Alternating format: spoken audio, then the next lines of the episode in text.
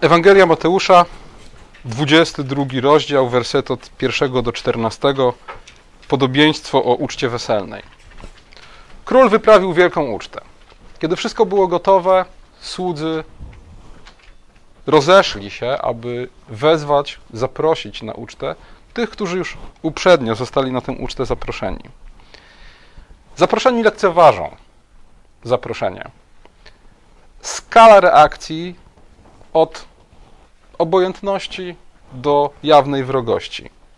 Byli tacy, którzy nie dbając o to, a więc nie dbając, lekceważąc, będąc obojętnymi wobec zaproszenia, rozeszli się. Jeden poszedł uprawiać swoje pole, drugi poszedł uprawiać swój handel.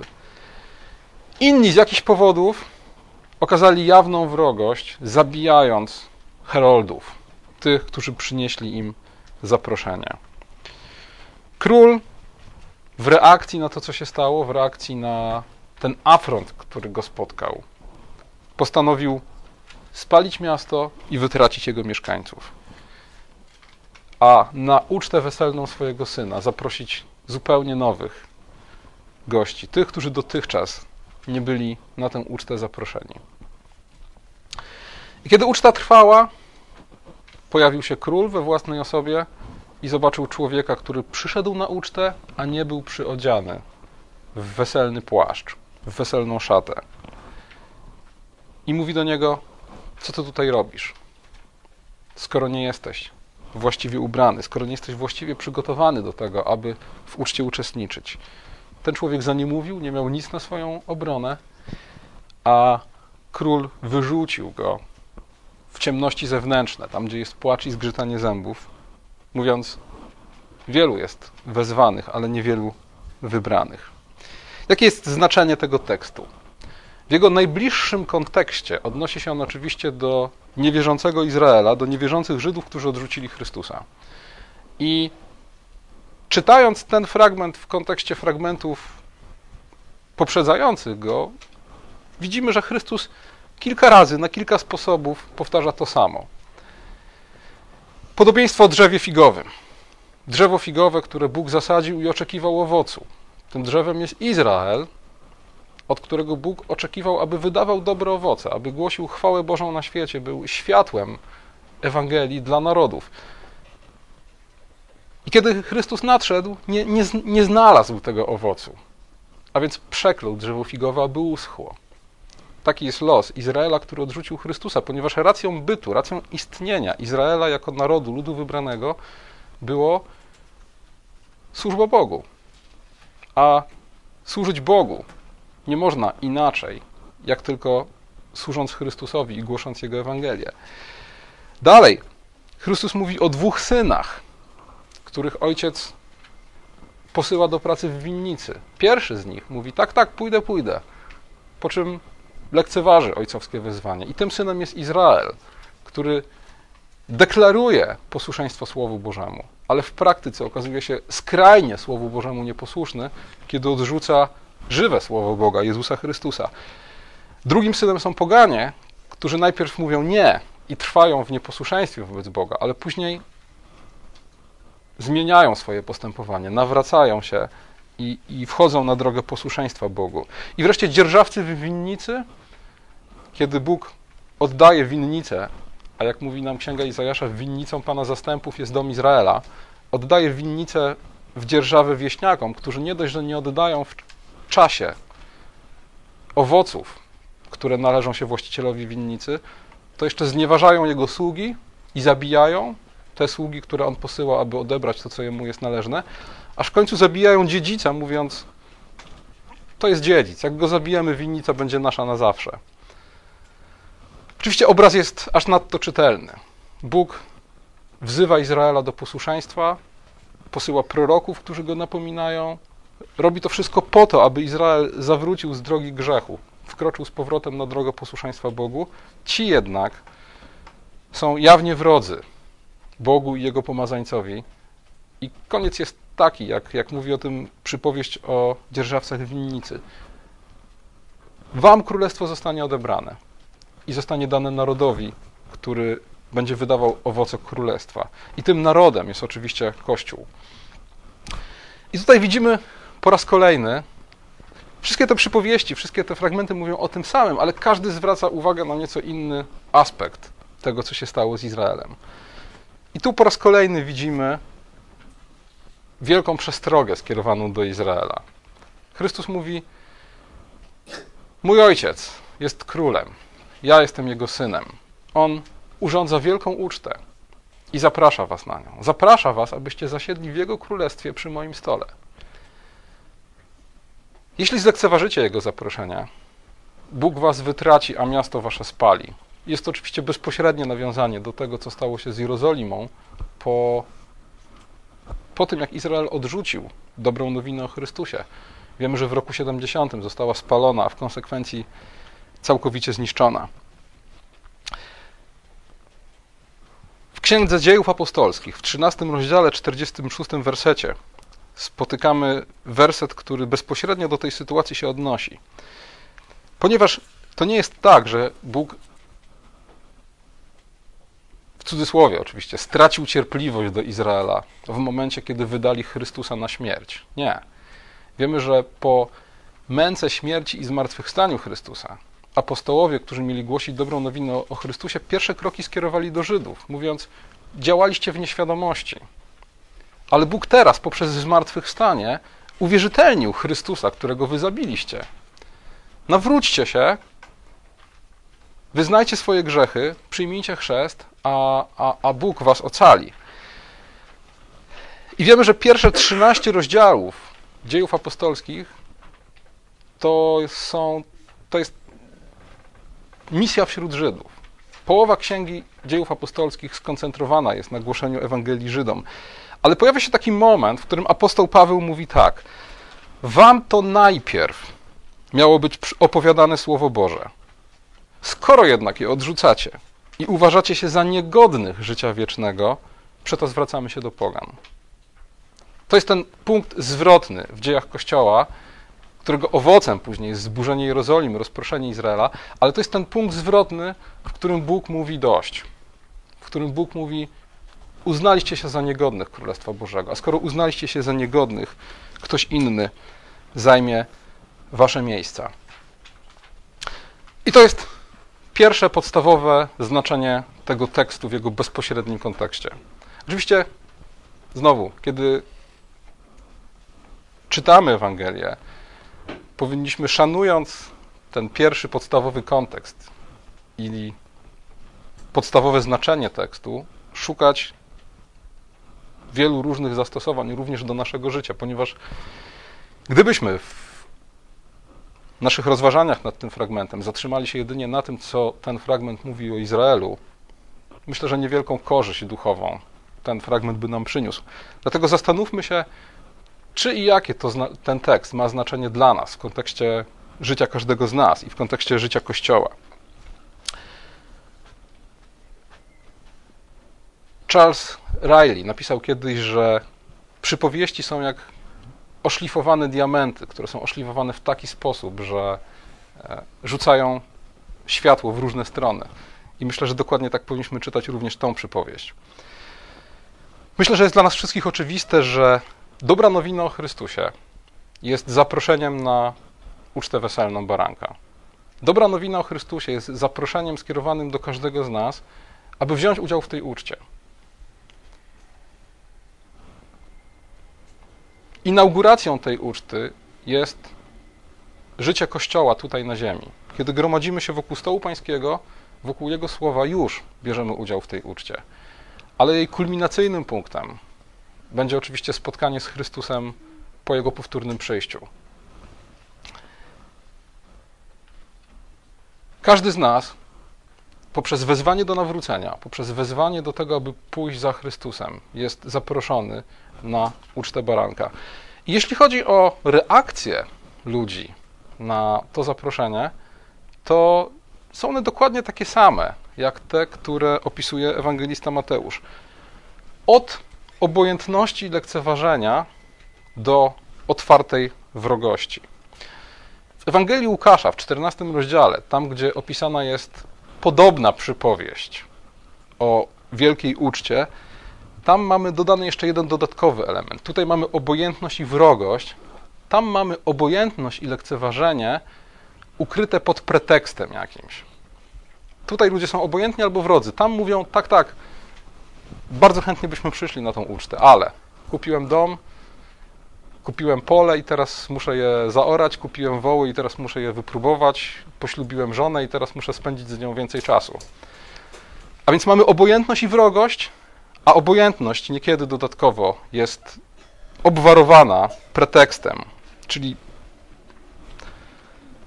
rzekomym powodem, który tak naprawdę prawdziwym powodem nie jest. Tak naprawdę prawdziwym powodem, dla którego ludzie odmawiają, dla którego ludzie nie są posłuszni wezwaniu do nawrócenia, jest brak wiary i wdzięczności. Nie wierzymy w to, że Chrystus jest rzeczywiście Panem i Zbawicielem. Nie wierzymy, że to, co Chrystus ma nam do zaoferowania, jest rzeczywiście największym skarbem tego świata. Nie wierzymy w to, że Królestwo Boże jest jak skarb ukryty w roli, że warto sprzedać wszystko inne, wszystko poświęcić, aby ten skarb znaleźć. Nie wierzymy w to, że jest jak drogocenna perła, dla której znowu warto wszystko poświęcić, aby tylko ją posiąść. Zaproszenie, które Chrystus do nas kieruje, okazuje się być nie na czasie, nie tak atrakcyjne, jakbyśmy się spodziewali. A więc brak wiary i wdzięczności, niezależnie od tego, co ludzie mówią, brak wiary i brak wdzięczności jest jedynym powodem, dla którego odrzucamy Chrystusowe zaproszenie.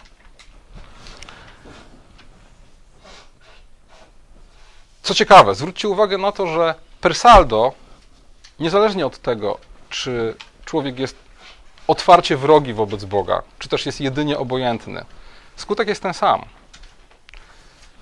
Ci, którzy nie przyjęli zaproszenia na ucztę barankę, zginą. I oczywiście dzisiaj my, wchodząc w różnego rodzaju relacje z ludźmi niewierzącymi, doceniamy różnicę pomiędzy obojętnością a wrogością, prawda? Społecznie dzisiaj no, ma to dla nas jakieś znaczenie, że ktoś jest jedynie obojętny wobec nas, tak? I nam generalnie nie przeszkadza w głoszeniu Ewangelii i życiu dla Chrystusa, a kimś to jest otwarcie wrogi. Amerykańscy ewangeliczni chrześcijanie nazywają neokonserwatystów, czyli ludzi, którzy w sferze społecznej wyznają chrześcijańskie wartości, a nie są chrześcijanami, nazywają przyjaciółmi sprawiedliwości. I coś w tym jest, bo rzeczywiście w tej doczesnej perspektywie to są przyjaciele sprawiedliwości, tak? Oni pomagają walczyć nam o, o, o wolność osobistą, o obecność wartości chrześcijańskich w życiu publicznym. To wszystko jest fajne. I, i, ma sens nazywanie tych ludźmi w tym społecznym sensie przyjaciółmi sprawiedliwości, ale w sensie ostatecznym, eschatologicznym, kwestii ich zbawienia, ich obojętność jest tak samo niszcząca i prowadzi do śmierci w dokładnie taki sam sposób, jak otwarta wrogość wobec Chrystusa. Krótko mówiąc, jedyna odpowiedź na zaproszenie Chrystusa, która prowadzi do życia, jedyna, która prowadzi do chwały, jedyna, która ustrzeże nas przed śmiercią i potępieniem, to jest przyjęcie z wdzięcznością tego zaproszenia.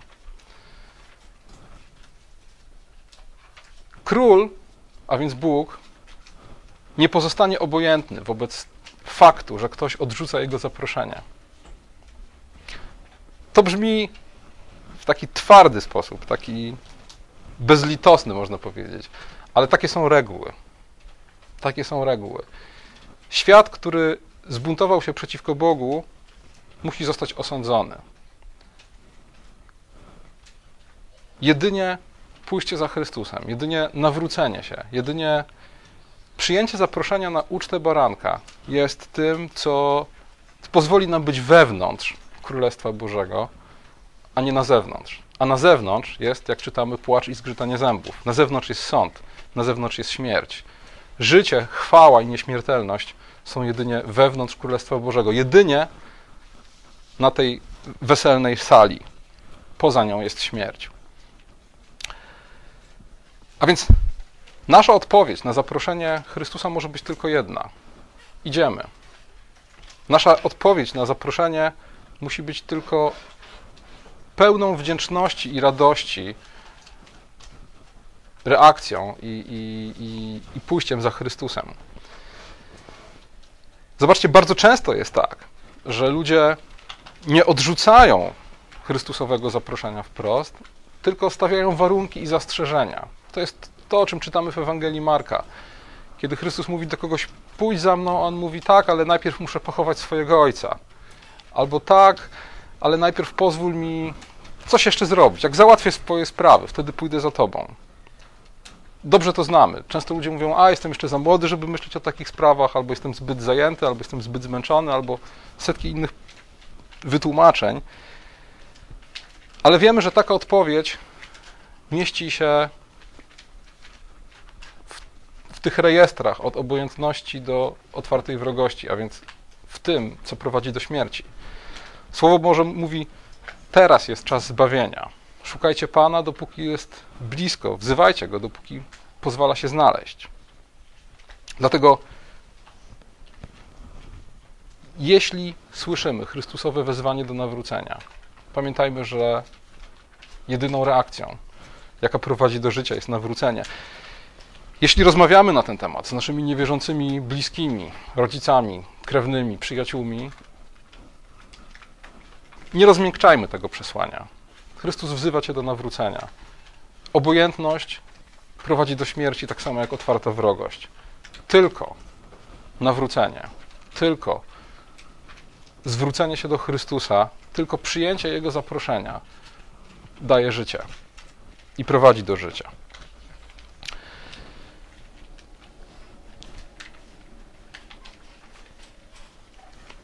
Ten tekst możemy zastosować również do codziennego życia, codziennego naszego życia w Chrystusie.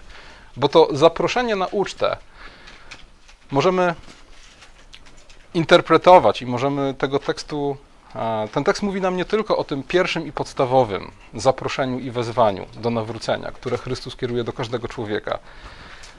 On mówi też o takim nieustającym zaproszeniu do tego, aby trwać w słowie, modlitwie i społeczności Kościoła.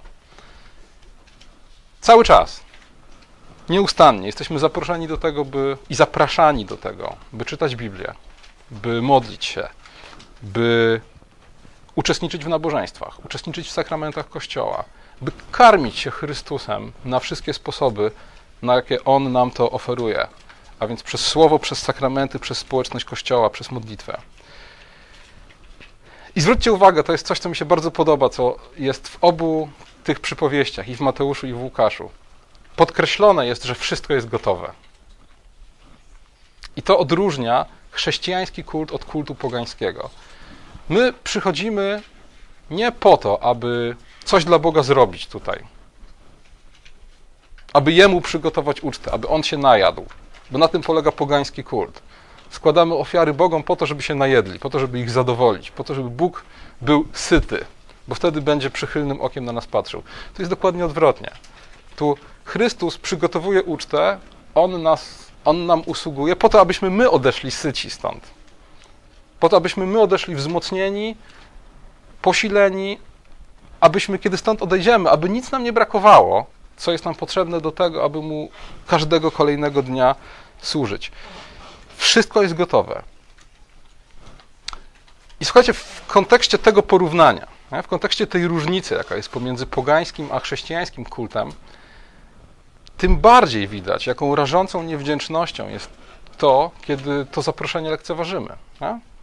Jeżeli w Jego słowie mamy wszelkie skarby mądrości i umiejętności, jeżeli w Jego słowie mamy kompletny duchowy pokarm, który jest nam potrzebny do życia, to jaką niewdzięcznością jest życie bez słowa, zaniedbywanie słowa.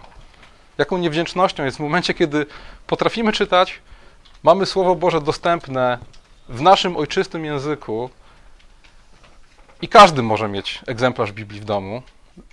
Podkreślam te rzeczy, bo nie, nie w całej historii Kościoła tak było. Pamiętacie z lekcji historii czasy, kiedy Biblia nie była dostępna w językach narodowych, a jedna księga była tak droga, że mogło sobie pozwolić na nią kilka osób zaledwie. Nie? Te czasy już minęły. Każdy z nas może mieć Biblię w domu, w swoim ojczystym języku, w ilu egzemplarzach chce.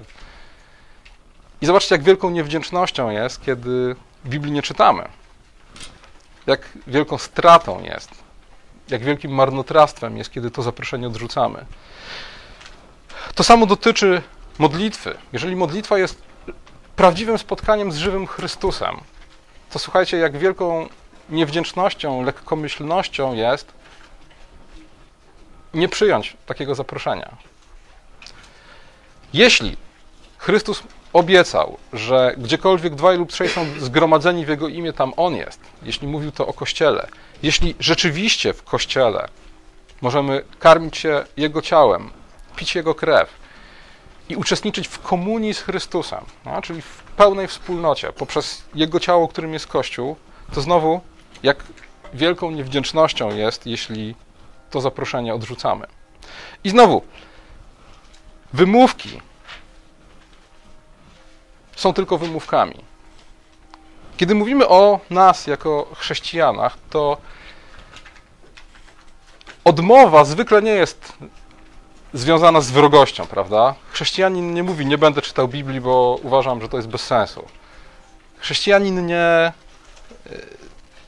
rezygnuje z przyjścia na nabożeństwo, czy z modlitwy, czy z czegokolwiek innego w jakiś jawnie wrogi sposób. Więcej, raczej też nie okazujemy ostentacyjnej obojętności, bo wiemy, że to nie wypada, prawda? Częściej robimy to, o czym mówi Ewangelia Łukasza, więc szukamy wymówek. Szukamy usprawiedliwień, dlaczego nie idziemy na nabożeństwo, dlaczego nie czytamy Biblii, dlaczego się nie modlimy. Bo jesteśmy zbyt zmęczeni, zbyt zajęci i mamy za dużo na głowie generalnie. Ale zwróćcie uwagę na to, że odmowa, że tak naprawdę różnica jest tylko pomiędzy odmową a przyjęciem zaproszenia. Powód, dla którego odmawiasz, w ostatecznym rozrachunku nie ma większego sensu. Nie ma większego znaczenia. Kolejna rzecz. Zwróćcie uwagę na to, że musisz przyjąć Chrystusowe zaproszenie i przyjmować Jego zaproszenie ustawicznie. Musisz karmić się Chrystusem poprzez modlitwę, słowo, społeczność Kościoła, jeśli chcesz Chrystusowi służyć. Kiedy apostoł Piotr oburza się, widząc Chrystusa, który chce myć jego nogi, Chrystus mówi: Jeśli ja ci nie umyję nóg, nie będziesz miał ze mną nic wspólnego. Jeśli nie pozwolisz, aby Chrystus Tobie usłużył, jeśli nie pozwolisz, aby On Ciebie nakarmił poprzez Słowo Boże, modlitwę, społeczność Kościoła, nie próbuj Chrystusowi służyć, bo nie masz do tego ani siły, ani kompetencji, ani niczego tak naprawdę. Musisz najpierw pojawić się u Jego stołu, musisz najpierw najeść się, wzmocnić, przyjąć Jego pouczenie, nabrać duchowych kwalifikacji, a dopiero potem możesz Jemu służyć.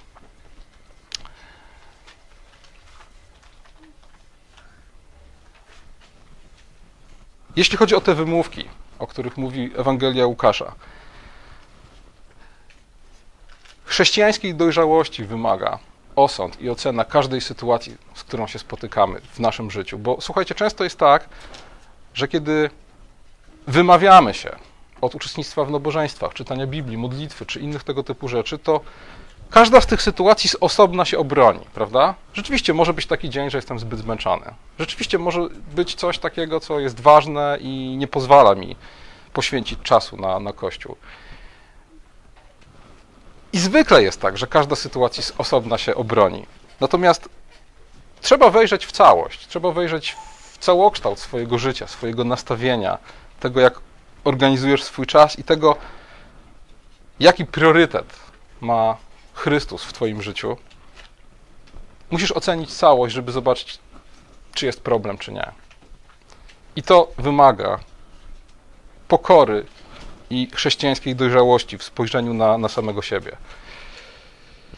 I wreszcie ostatnia rzecz, o jakiej mówi e, dzisiejsza przypowieść. Weselna szata to jest piękny obraz tego,